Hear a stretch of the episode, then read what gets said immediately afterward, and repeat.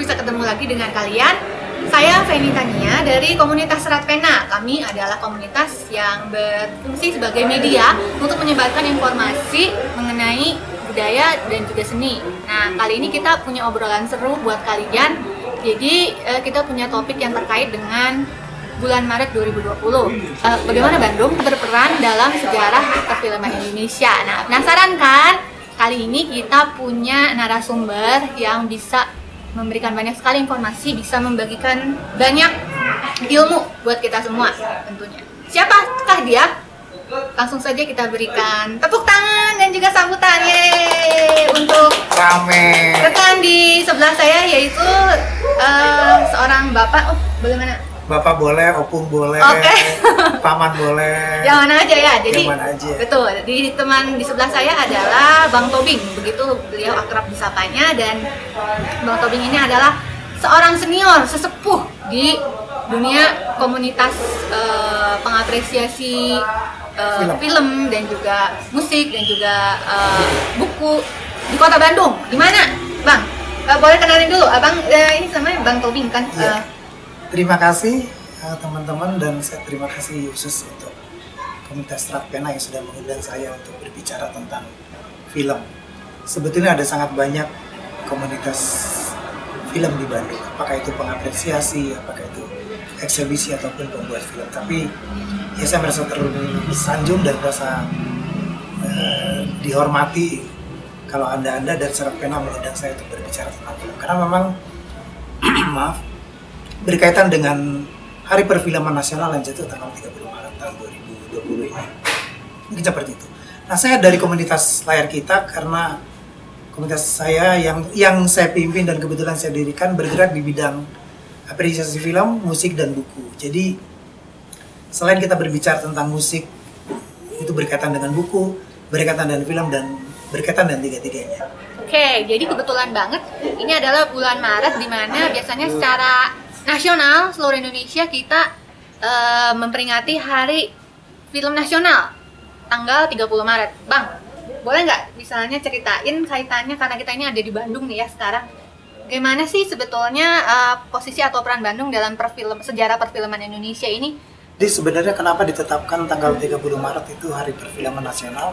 Karena ditetapkan oleh pemerintah sebagai syuting pertama hari ah, filmnya Usmar Ismail yang berjudul Darah dan Doa. Itu sebenarnya penetapannya seperti itu. Nah kemudian berkaitan dengan kota Bandung, kita harusnya bangga. Terutama masyarakat Bandung. Jadi ingat, film pertama yang diproduksi di Indonesia, walaupun saat itu Indonesia masih bernama Hindia Belanda, itu diproduksi tahun 26, itu judulnya Lutung Kasarung Oh, itu di Bandung loh. Secara kalau lutung itu kan eh, menurut hemat saya itu binatang khas Jawa Barat, bukan misalnya tempat lain, daerah lain. Itu binatang khas Jawa Barat secara fabel pun demikian. Jadi kita harus bangga. Itu ke satu. Terus kedua, ini mungkin jarang diketahui orang. Jadi tokoh perfilman internasional Charlie Chaplin yang nggak tahu Charlie Chaplin jadi tolong nanti di Google lagi Charlie Chaplin itu siapa apa dia apa.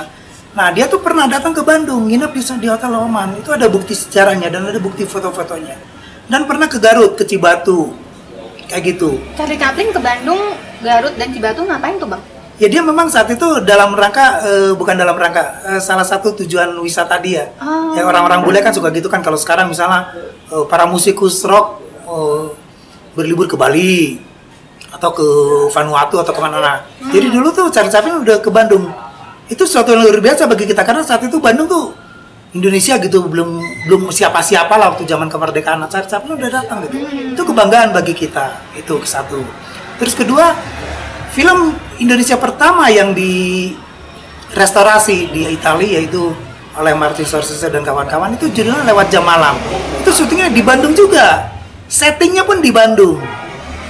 Kalau kita bagian yang pernah nonton itu syutingnya di sekitar viaduk sana dan sekitar jalan eh, Purnawarman dan apa tuh awal eh, mulut jalan Riau. Nah daerah-daerah situ itu di Bandung gitu. Jadi suatu kebanggaan tersendiri. Bahkan kalau kita ngomong eh, momen-momen tertentu, momen-momen khas dari potongan film-film zaman sekarang itu sebenarnya eh, replika lah. Itu sebenarnya kopas dari film-film yang dulu bahwa syuting di Bandung itu udah sangat banyak. Banyak, sangat banyak. saya pun tidak tahu apakah mungkin karena kedekatan kota Bandung dengan ibu kota Republik atau memang apa saya kurang begitu hafal tentang itu tapi kalau kita bahkan melenceng sedikit tentang musik pun para musikus dulu tahun 60-an 70-an itu kalau tidak dari Bandung Surabaya atau Malang seperti itu. Jadi jejak Bandung itu sudah ada sejak era-era ketika film baru mulai orang-orang baru mulai membuat film ya. Iya, jadi sebenarnya gini. Ketika film pertama dibuat oleh Lumiere Bersaudara tahun 1895, itu tepatnya 28 Desember. Itu film pendek cuma 2 menit yang bercerita tentang kereta api yang disorot. Nah, itu kan buat orang semua langsung panik kan langsung itu diputar di eh, diputar di Grand Cafe di suatu Grand Cafe di Paris. Itu orang-orang langsung bersembunyi di balik meja segala macam karena belum tahu bahwa ternyata ada gambar hidup seperti itu gitu. Shock itu tahun- culture ya, shock. Nah, shock culture itu tahun 1895. Hanya lima tahun kemudian itu tahun 1900 itu film udah dibawa ke Batavia. Tepatnya di Tanah Abang. Memang bukan film itu, tapi cerita tentang film itu udah dibawa ke Batavia. Itu cerita tentang bagaimana Ratu Elisa, eh, Ratu Elizabeth, Ratu Wilhelmina. Ratu Belanda tiba di kota Den Haag. Itu difilmkan. Walaupun film bisu, tapi bagi orang saat itu wah apa nih kok ada ratu tampil di depan kita tapi tidak nyata gitu hanya dalam bentuk gambar itu luar biasa hanya lima tahun sesudah film pertama ditemukan tahun 1895 jadi Bandung Bandung dalam hal ini Indo- Indonesia itu tidak ketinggalan banget kita paling ketinggalan dengan Jepang di Jepang tuh 1899 udah ada tapi kita lebih unggul daripada Korea, eh, daripada Korea dan Iran kalau saya tidak salah Korea itu tahun 1906 dan Iran tuh 1902. Jadi kita masih unggul loh. Dibanding Cina pun kita masih unggul. Jadi jangan macam-macam kamu dengan dibanding dengan Siap, Indonesia Bang. tentang perfilman loh. Oke. Jadi kalau kita ngomongin lain ya mungkin kita eh, konteksnya pun beda lagi. Tapi tentang perfilman kita tuh boleh dikatakan pionir lah untuk Asia. Untuk Asia loh ya. Jadi bukan untuk Asia Tenggara tapi untuk Asia. Hmm, jadi Itu buktinya dari yang saya sebutkan tadi. betul. Jadi eh, jejaknya sudah beratus hampir Beratus 100 tahun, ya. lebih dari 100 tahun. Oke, jadi Tahun- bukan cuman yang sekarang lagi ngetren doang di yang sekarang kalau Dilan kita kalau dan ki- ya kalau kita mengklaim misalnya Dilan tuh pertama kali eh, syuting tentang perpacaran anak SMA di Bandung aduh kayaknya kita miskin referensi ya jadi zaman dulu tuh udah ada bahkan kalau kita melihat film Badai Pasti Berlalu Ray Martin dan Kirsten Hakim tahun 1977 itu tuh sebenarnya ada nyerempet-nyerempet ke Bandung cuman nggak nyampe ke Bandung. Akhirnya mereka ke Bandung sebentar dan balik lagi ke Bogor. Itu ada satu di film itu diceritakan ada suatu apa namanya film miliknya ayahnya Siska ayahnya Christine Hakim di film kayak di film itu. Kayak gitu maksudnya gitu. Tapi Bandung tuh nggak jauh-jauh amat dengan pergerakan perfilman nasional dan itu mem- memiliki tonggak yang sangat penting. Oke, jadi kita tadi udah belajar dan dapat sharing info banyak banget dari Bang Tobi. Makasih Bang. Jadi saya semakin bangga sebagai warga Bandung nih. Kalau tahu ternyata Bandung itu sudah jejaknya cukup panjang ya Panjang. dalam perfilman kita. dan fenomenal Nah, bahkan kita berarti kalau tadi Abang bilang Charlie Chaplin itu datang ke Bandung, Garut dan mana satu lagi? Ci nginep di Hotel Oman Oh, nah itu Dan berarti Cibatu, Cibatu. Cibatu. Iya. Nah, berarti YouTube di YouTube mungkin ada videonya ya? ada ada itu pasti Ah, ada Nah, berarti eh, ini udah terbukti banget kalau Bandung itu adalah sebuah tempat yang filmable gitu ya. Iya. Setting yang bagus. Charlie Chaplin tuh kita harus ingat salah satu tokoh utama per, awal-awal perfilman dunia. Yes. Dia yang menca- yang mengatakan bahwa film adalah bahasa gambar. Berarti eh, apakah kira-kira karena Bandung itu kan udah akrab banget dengan eh, film sejak zaman Hindia Belanda tadi abang Iya, ya. Nah kalau gitu boleh bang sebutin siapa nih kira-kira eh, yang eh, sampai sekarang nama mungkin eh, nama-nama notable eh, notable names nama-nama yang penting dan berperan dalam perfilman kita sendiri tapi yang berasal dari Bandung nih. Siapa? Banyak banget sebenarnya. Jadi saya tiba-tiba ingat uh, pahlawan nasional kita Otto Iskandar Dinata, cucunya kan ya Dinata. Ah, Samaan belakang Dinata itu dari Bandung loh. Filmnya banyak dan bagus-bagus. Contohnya perempuan bercerita ya kan kayak gitu. Atau juga yang relatif baru misalnya walaupun Joko Anwar memang bukan dari Bandung tapi dia banyak berkiprah di Bandung dan kebetulan dia kuliah di Bandung. Salah satu film dia yang paling fenomenal Pengabdi Setan syutingnya di Bandung loh. oh, Lembang ya? Enggak di Kabupaten Bandung di Pangalengan Oh, sana. oh, iya, iya, iya. Di perkebunan Pak Kertamanah sana di Pangalengan kayak gitu.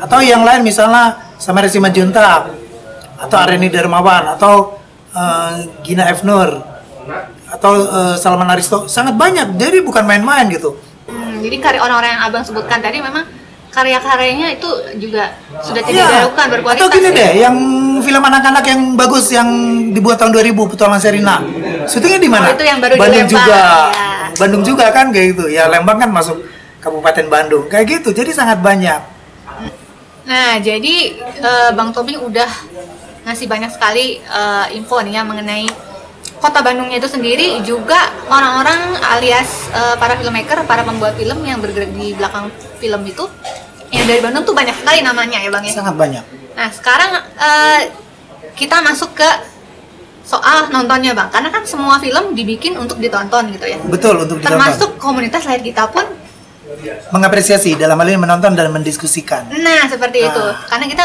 untuk menonton pun pasti ada seni dan uh, kita butuh semacam cara yang lebih baik dalam mengapresiasi sebuah karya Iya, orang lain gitu ya. Nah, kalau menurut Bang Tobing seperti apa antusias orang-orang Bandung dalam misalnya menonton film dan uh, membentuk komunitas film sendiri gitu? Iya. Jadi sebelumnya gini, jadi film itu sebenarnya konsumsi komunal dengan rasa personal. Saya ingat potongan film di Cinema Paradiso. Jadi memang kita bareng-bareng nonton nih. Tapi kan yang merasakan itu film secara eh, ini kan personal banget. Jadi Fanny bisa merasakan beda dengan yang saya rasakan. Jadi misalnya si Anto bisa beda dengan yang dirasakan oleh si Basir. Nah, kayak gitu gitu. Itu di film. Nah, demikian juga dengan komunitas. Nah, di Bandung itu harus jujur saya katakan sangat-sangat banyak komunitas film. Tapi komunitas pengapresiasi film itu sangat sedikit. Sangat sedikit. Kebanyakan komunitas pembuat film. Oh. Nah, ini semua kritik bagi kita semua, khususnya bagi orang Bandung. Karena kebanyakan orang pengen bikin film tapi tidak menonton film. Akhirnya apa? Miskin referensi. Sehingga mu- mudah mengklaim baru juga bikin satu film langsung menamakan dirinya sineas. Langsung baru nulis satu skenario pendek langsung menamakan dirinya seorang penulis skenario. Baru menyutradarai film pendek yang tiga menit langsung menyatakan diri sutradara. Kayaknya kurang tepat seperti itu. Nah, ingat satu hal. Saya kejadian ini beneran terjadi. Jadi dulu tahun 99 ketika saya ikut komunitas film pengapresiasi di rumah Ade Pirus, Profesor Ade Pirus di uh, Sangkuriang sana. Di situ tuh salah satu penontonnya itu Joko Anwar. Salah satu penonton dan Joko Anwar penonton yang luar biasa dalam arti menonton sangat banyak. Jadi ingat dengan Quentin Tarantino, semua film ditonton yang sampah-sampah, yang bagus-bagus semua ditonton. Sehingga referensinya banyak. Demikian juga dengan Joko gitu, sama seperti Quentin Tarantino. Nah, begitu. Nah, saya berapa kali sangat banyak lah ya boleh dikatakan menjadi juri film. Tahun 2012 saya jadi juri film di Gunfest. Kemudian beberapa tahun kemudian di di Jakarta dan eh, terakhir anak buah saya jadi juri juga di Gunfest tahun 2020 ini dan sebelumnya saya di juri di beberapa tempat seperti di Bandung Independent Film Festival dan beberapa tempat lain.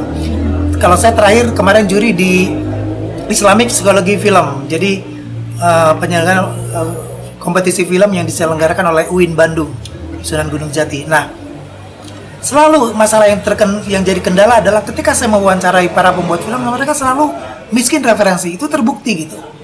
Miskin referensinya juga dijelasin. Nah, suatu kali gini, Bang? saya ber- eh, ngobrol dengan sinesnya. Saya nanya gini, "Eh, film favorit kamu apa? Dia mikir, nggak ada bang. Wah. Oke. Sutradara favorit siapa? Apakah dari dalam negeri atau luar negeri? Sebutin aja siapa lah mau eh, Teguh Karya atau mau Tarantino atau siapa? Dia juga mikir sebentar. Nggak ada bang. Oke. Wah. Terus udah gitu aktor favorit lah mau Ray Martin kayak mau Rano Karno atau mau Brad Pitt atau siapa? Nggak ada juga. Eh, belum ada bang. Oke. Karena kamu laki-laki mungkin seneng cewek, saya bilang gitu. Kalau aktris favorit mungkin Christine Hakim atau Jennifer Lawrence atau siapa? Nggak ada bang. Oke oke oke. Eh, jadi kamu membuat film ini berdasarkan apa? Imajinasi, imajinasi sendiri bang. Oke. Saya akhirnya nggak bisa jawab lagi, nggak bisa nanya ngomong apa-apa lagi. Saya akhirnya bilang begini. Tarantino membuat film Pulp Fiction referensinya 194 film. Sehingga Tar- Tarantino mengklaim bahwa dalam semua film semua adegan yang di film Quen- uh, Pulp Fiction itu tidak ada adegan asli. Dia bilang semuanya kopas-kopas semua gitu. Itu seorang Tarantino. Bagaimana dengan orang yang tidak pernah menonton film tapi pengen buat film? Mau apa referensinya terus mau bikin film apa gitu. Itu kendala di mana-mana. Sama seperti berapa tahun lalu saya jadi juri buku juga demikian. orang mau menulis buku tapi tidak pernah membaca buku gitu. Jadi patokannya apa gitu? Itu kan sangat susah. Karena seperti Umberto Eco katakan tidak ada yang baru di bawah matahari. Baik di film, buku, musik atau apa pun sebenarnya tidak ada yang asli. Jadi kita harus mengakui keberadaan di masa-masa lalu gitu. Misalnya film uh, Untouchable tahun 89 saya selalu ingat ada kejadian di situ adegan itu uh, Brenda Palma mengatakan bahwa itu psikopas dari Battleship Potemkin tahun 27 tuh jadi ada berkelindan antara film-film lama dengan film-film baru yang saling mempengaruhi. Jadi film-film sekarang pun kalau memang fenomenal dan bagus mungkin akan sangat mempengaruhi film-film yang berikutnya yang akan dibuat oleh sinas-sinas baru begitu. Nah jadi harus diakui komunitas pengapresiasi film di Bandung dan eksibisi sangat sedikit dan kalau saya boleh menyombongkan diri, dari kita salah satunya dari yang sangat sedikit itu. Kebanyakan apakah itu di SMA, di kampus-kampus ataupun independen, kebanyakan pembuat film. Dan sialnya baru mereka punya kamera merasa udah jadi fotografer. Baru punya ini udah merasa jadi sineas. Itu saya pikir kurang tepat ya. Jadi mungkin kita perlu banyak belajar rendah hati dengan walaupun ada udah membuat 10 film bilanglah bahwa saya masih banyak belajar, masih perlu belajar dan masih harus belajar. Sama seperti dulu tahun 2017 saya juri di suatu komunitas. Di situ saya mengkritik bahwa ada film saya bilang itu mirip filmnya Ozu. Dan mereka langsung komplain, Ozu itu siapa? Aduh. Ozu saya nggak tahu tapi seorang pembuat film. Ozu itu ya Ozu sutradara film dari Jepang yang sangat luar biasa, pembuat film Tokyo Story dan juga Early Morning segala macam kayak gitu. Jadi kalau seorang pembuat film tidak kenal Ozu, tidak kenal Kurosawa, tidak kenal Sumanjaya, jadi kenalnya siapa? Bang, jadi cerita abang tadi bikin aku dan mungkin teman-teman lain nih yang menyimak video serat pena ini juga jadi merenung nih bang. Jadi kita mungkin sudah cukup banyak uh, cukup produktif orang-orang sineasnya dan juga jejak kota nama kota Bandung sendiri. Tapi kok untuk bidang apresiasi dan juga untuk generasi saat ini sepertinya masih harus banyak belajar dan menambah referensi gitu. Ya? Iya.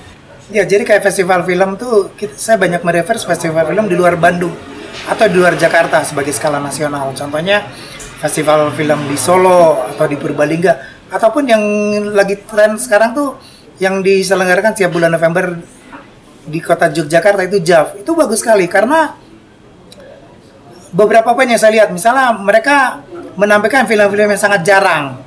Misalnya jarang nggak bisa diakses atau memang jarang diputar di beberapa tempat atau memang distribusinya susah. Dan mereka menyediakan itu. Jadi kayak kemarin ada film dari saya lupa nama negara tapi film dari Asia Tengah.